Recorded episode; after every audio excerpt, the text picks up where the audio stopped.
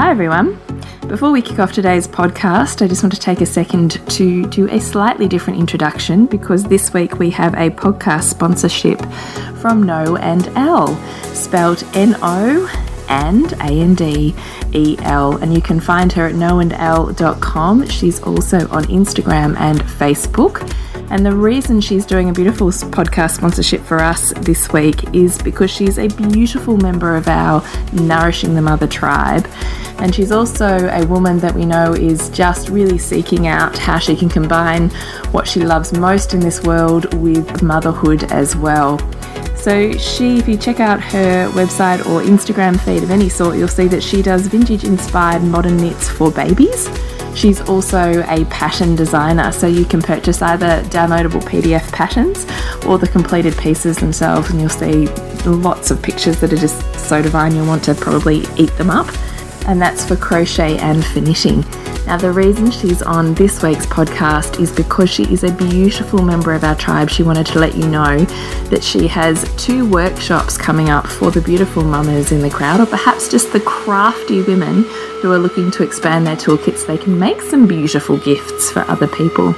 She has a Learn to Knit Modern Baby Knitwear workshop on April the 26th and a Learn to Crochet Modern Baby Knitwear workshop on April the 27th. So we would love for you to jump on to noandl.com and have a look at those workshops. And if you are local to Melbourne and the Mornington Peninsula, definitely consider popping along. They will be held in Seaford at the gorgeous caf- local cafe. And you get to hang out for two hours with some pretty gorgeous mums, expand your tribe and learn some craft. And there's nothing like I love a bit of crochet. I can't knit, so Kasho may very well be coming to your knitting one, but just that whole rhythmic movement that really stimulates the feminine and gets you into a space of just calming that nervous system right down can just be an extraordinary nourishing process for any of us as women. So please check her out. And without further ado, I move on to today's podcast.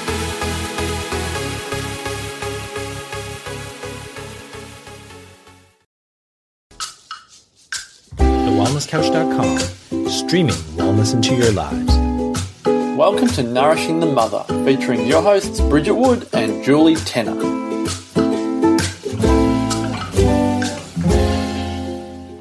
Hello and welcome to Nourishing the Mother. I'm Julie Tenner. And I'm Bridget Wood. And before we dive into this week's topic, we want to remind you that the Aligned Parenting Program is now taking sign-ups and we are getting started on the 30th of April, which is just around the corner. Mm.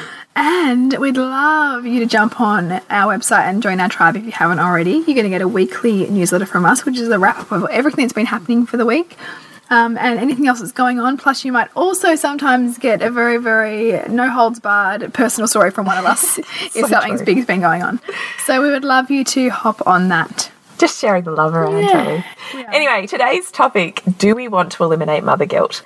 So this one again, we have no direct plan on where we're going with this. We just, but sometimes I just, well, you and I discuss all the time. Sometimes those no purpose conversations have the greatest kind of evolution to them. Often we get started on one of these conversations and then we go, hang on, hang on, hang on, we, we should be recording. Yeah, yeah, so true, isn't it? Why did we podcast that? Yeah, yeah. Um, but this started because in our members only Facebook group, so when you sign up to a course, you join our members only Facebook, and then we're having all of these coaching conversations throughout the days and weeks. Yeah, yeah. So I was having this conversation with one of the mums in the group who was just lamenting over a particular issue with her child and then saying, you know, like essentially, damn mother guilt, like it's the worst thing in the world and I just wish we could get rid of it because my life would be so much better.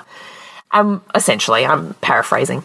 And when I read that, I had this like surge of like, no, you don't want to eliminate mother guilt. Are you kidding? Like, it's there as feedback. totally and so feedback. I was just saying to Bridget, you know, this story, and then we decided, well, maybe this is actually a topic that's worth pulling apart because yeah. mother guilt is such a hot topic in motherhood. Yeah. And certainly in conscious circles, in spiritual circles, and even look to be honest, even in mainstream circles, it's this whole thing of you know the self-flagellation of motherhood yeah. and how how we're too hard and harsh on ourselves, mm. and how if we could get rid of it, how much happier and carefree we will be. Yeah, know it's funny because I actually just as you're saying this, I, I remember some quote that I came across the other day, which said, you know, if you're worried about your child, then that means you're doing a good job. So it was almost like kind of giving you know you What a mindfuck that is. Yeah, yeah, but it's like the, the, the pat on the back for the mother guilt. So, Yeah. so I wonder if you know, and we're going to get into this, but it, it's a strategy. It's it's mother guilt. It comes as a result of some kind of strategy that we have that we are using to make sure that we meet some kind of like subordination to some other ideal that we've got. So perhaps you know, so that so that our own mother thinks we're a good mother. I'm pretty sure I use that um, that you know somebody will find us acceptable, that we will feel like we've done enough. Like mother guilt is there for as a feedback, and you know you, we we dive deeper into this concept of guilt and what it means in our Loathing to Loving program. But ultimately, guilt is a, a one-sided perception that through our actions or our inactions that we caused more drawbacks than benefits to our children. Yeah. So you know, at the end of the day, when you feel like maybe maybe you were distracted, or maybe that you yelled too much, or maybe that you weren't really there for your kids, that somehow that was bad for them. Um, and it's our own projection onto a situation to say that that we didn't do enough, or that we could have done more. As it- not only in in guilt are we seeing it only as one sided, so only as all drawbacks, but we're also not seeing the other side at all. Yeah, we're there's ju- we're zero just- awareness of it. Yeah, we're just not even giving that the time of day to even look Yes. for. And, we're, and we're often because if we're if there's a pattern for us and there's a particular strategy that we're using, we're actively, whether consciously or not, determined not to see the other side because we're hooked on the guilt, right? Like there's, there's a reason why we keep seeing things that way because perhaps they keep us where we are. Yes. They keep us on the track that we want to be on and that that we're that we're resisting deviating from. Yes, exactly. So there's just two points here, essentially, Yeah. Bridget, isn't it? Is number one, whenever we're recognizing guilt of any sort, I mean, for here we're talking about mother guilt, but guilt of any short sort is looking at a situation and perceiving it to be only one way. And we mm. know that nothing ever, ever in this universe, and hopefully you've listened to enough podcasts to really grasp this con concept, nothing is ever one way. Mm. There is equal challenge and support. It's simply our perception of a moment mm. that dictates how we read it. And our perception of a moment is based on our own wounds. our own wounds and also our own values. So if we have a certain set of values, we're going to filter the world based on those values and then chuck out whatever we don't think fits that. Yes. And judge and and make us right and that wrong. Yes. And there's a lot of that around motherhood. Yes, and which is a survival tactic in itself. Yeah. So when we're saying we don't want to eliminate mother guilt, it's not because we think you deserve to be punished or that you've done it wrong. Mm. It's simply because what we really want for every single one of your emotions is to to feel into them as feedback mm. To love more of who you are and what you're bringing to the plate not mm. to slice off and, and box away these parts that you think are not okay which is still what you're doing with mother guilt. The mm. way i was here the way i was there the way i didn't show up here even the fact that i have mother guilt i'm wanting to box all these parts away mm. because they're not okay. And we want more of you to be okay That's not the- less And, this is the path, right? Because I mean, the reality is, any of every part of us that is human is needed for us to be this. You know, if we didn't need mother guilt, if we didn't need anger, if we didn't need all those emotions that so many women tend to be uncomfortable with, then they would have become extinct. Like they're there to serve us, and the key is to understand them so that we can move them in a way that that is more fulfilling. That's right. To actually use emotion to move through a situation rather than feeling sideswept by it or, or, mm. or held captive mm. by it as well.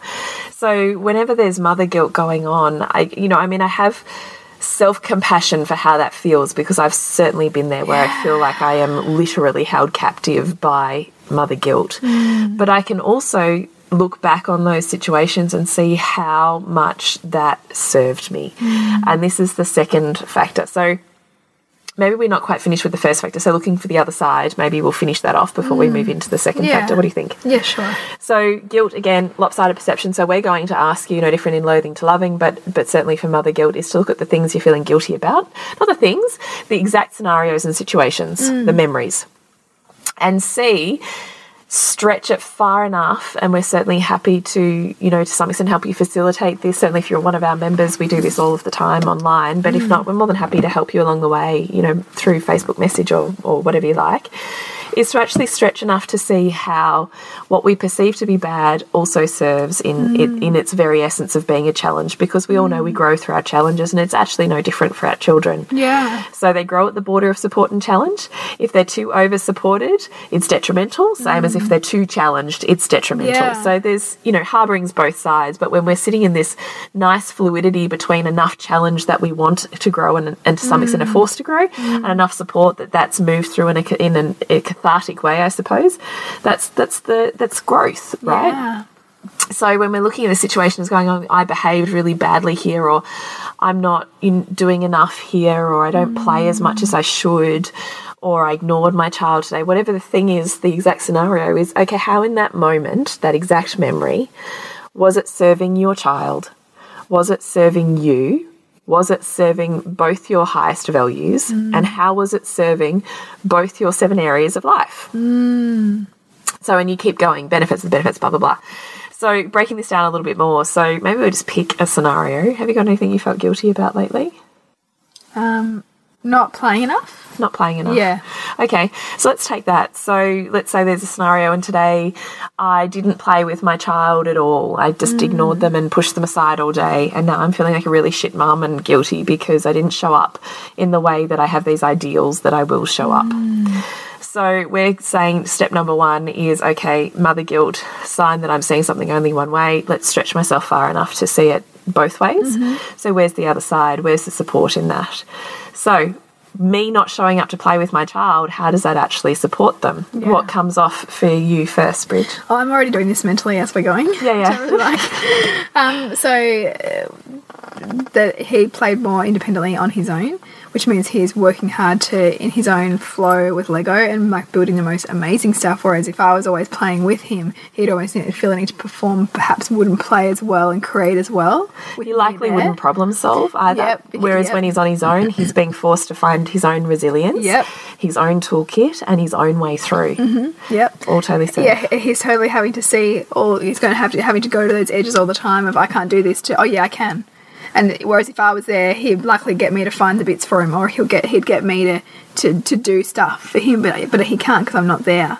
That's a really big one. Yeah, it is. Um, another one is he really gets to enjoy his own company more, and he gets to find that um, in in a kind of quiet and warmth that, that that we all find when we get to have that little bit of quiet solitude um, he gets to become more self-reliant. Know, knows that he can get himself out of things.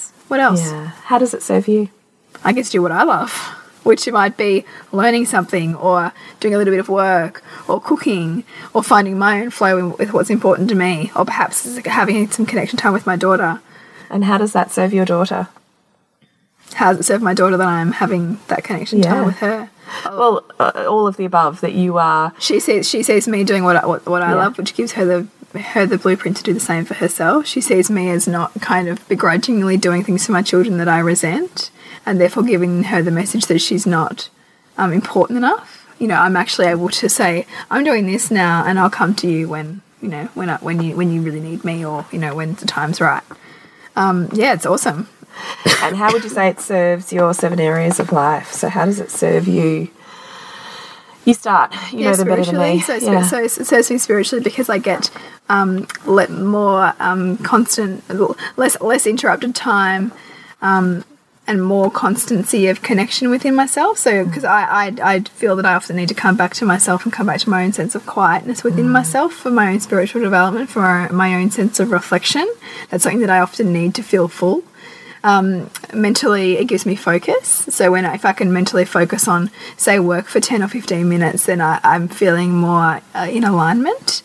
Um, and that then that obviously is this vocation vocationally in that area of life because i'm getting my work done and that really feels fulfilling for me.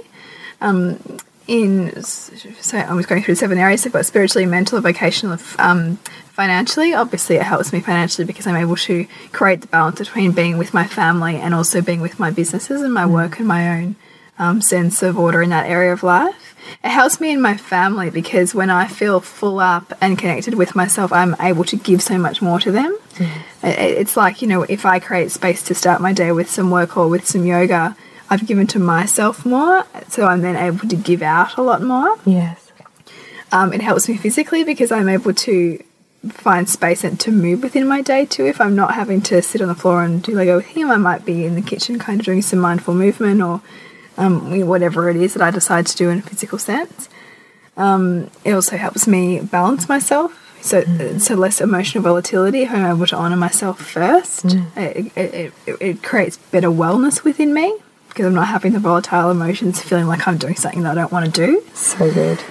and ultimately, if this was with you, we would keep going. So Yeah, we would so you keep would go- keep going down those rabbit holes. How does that serve your son, and how does that serve your child? Until you get to the point, I'm hoping that you can kind of get a, a bird's eye view of this, of seeing how the broader picture, not the the small slice of perception, the way you want to read a situation, but the broader picture of what's actually going on in that soup, in that dynamic, mm. Um, for each of those individuals' growth within that family unit. How extraordinary that entire situation was. Mm. So hopefully you would come to the point where, as opposed to feeling in guilt and shame about something, and come to the point of gratitude, going, "It was so perfect. Mm. I wouldn't change it for the world." Mm. And this is the point of mother guilt. Okay, this is the point of starting to peel back those layers that we keep talking about. Those ones that are shoved in our face sometimes. Yeah. Those ones that are painful for us to enter.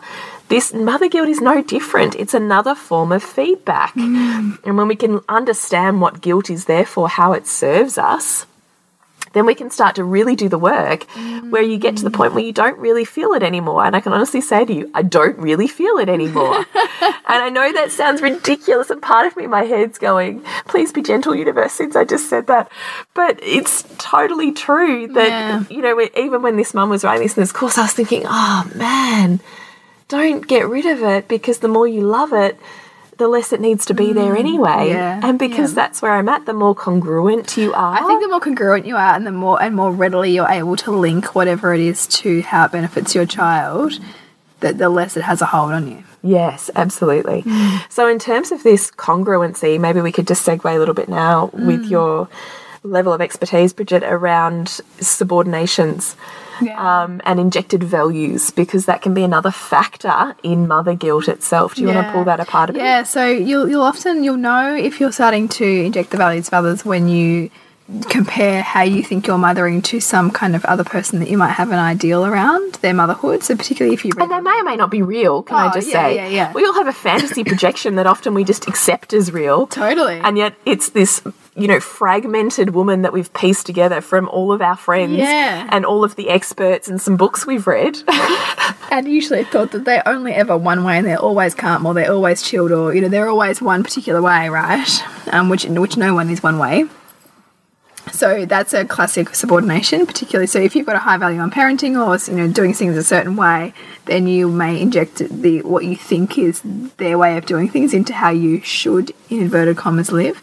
Um, you will also know by the language that you're using with yourself. If you're using the words "should," it, it's, indicative of injected value because when we when we want to do something or would love to do something, we're spontaneously kind of inspired, and the language is much more active. Whereas "should" is a word that's almost like uh, I should do because so and so said so, but you're not really feeling it.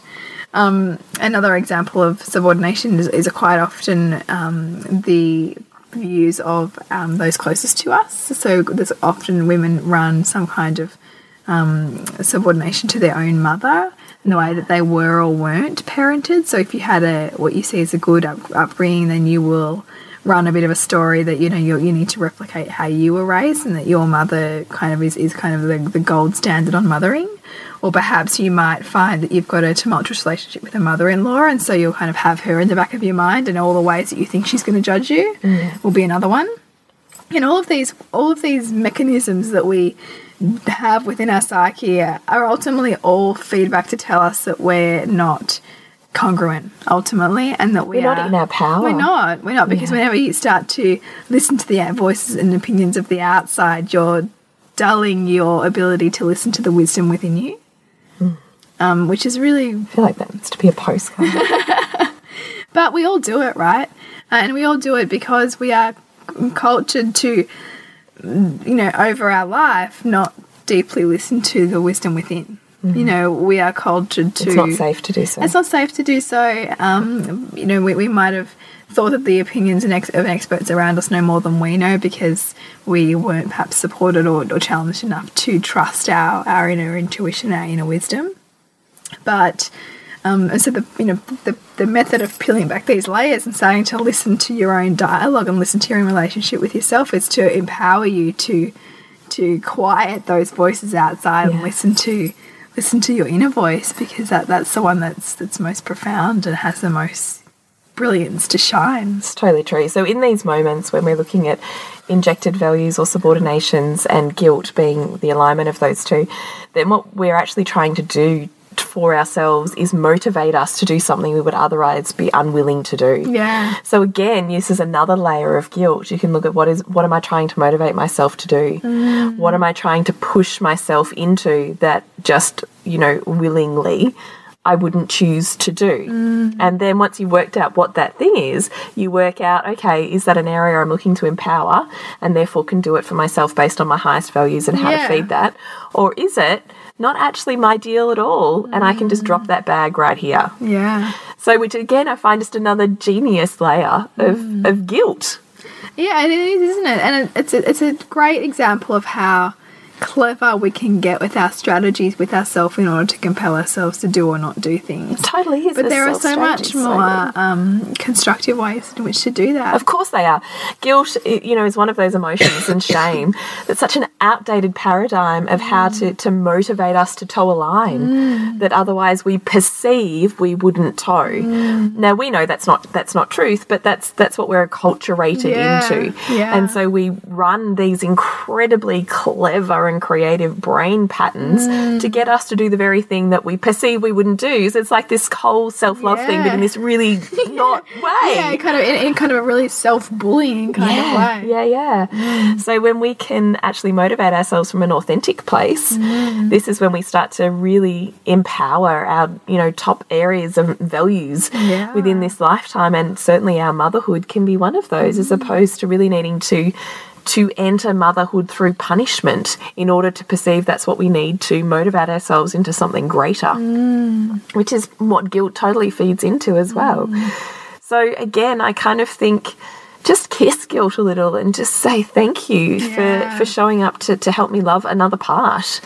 And Pay, that and pay, pay attention to what it's about because it'll likely be a, continu- a specific thing yeah. um, or, or a specific area. area that Yeah. it keeps showing up as. Yeah. Um, so it'd be interesting to see, first of all, the benefits that you're getting of, of that mother guilt. So perhaps, I mean, I, I totally um, used it for a long time to keep myself, um, you know, not working too much Ah, so interesting. because I really felt like guilty that I wasn't present.